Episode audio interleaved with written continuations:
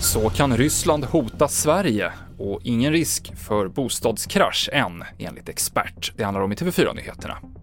Magdalena Andersson har under eftermiddagen suttit i möte i Vita huset med Joe Biden och den finske presidenten Sauli Niinistö.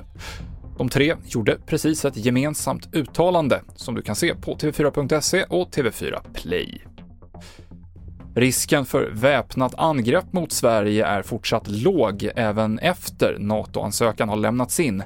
Men det finns andra sätt Ryssland kan hota på, säger försvarets insatschef Mikael Claesson. Vad gäller just hotbilden mot Sverige så har Ryssland kapacitet att till exempel markera med framförallt flyg och fartyg över Östersjön eh, och naturligtvis också i Nordsjön.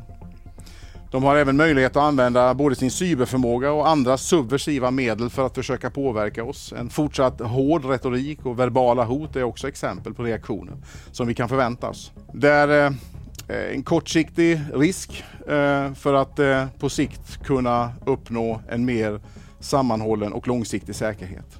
Folkhälsomyndigheten FHM undersöker om det finns fler fall av apkoppor i Sverige utöver det enda som hittats i Stockholm.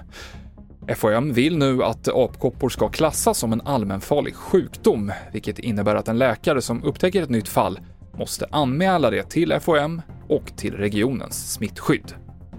Efter att Riksbanken höjde styrräntan och ränteprognosen i slutet av april så kan man nu se en tillbakagång i bostadspriserna i Stockholm och Göteborg. Men det är alldeles för tidigt att börja prata om en krasch eller sprucken bostadsbubbla, säger sparekonomen Frida Bratt.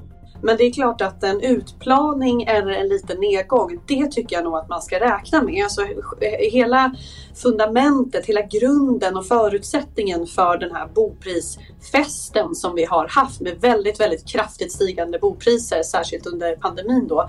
Det är ju den låga räntan, minusräntan och nollräntan som har legat till grund för det. En längre intervju med Frida Bratt finns på tv4.se. I studion nu Mikael Klintevall.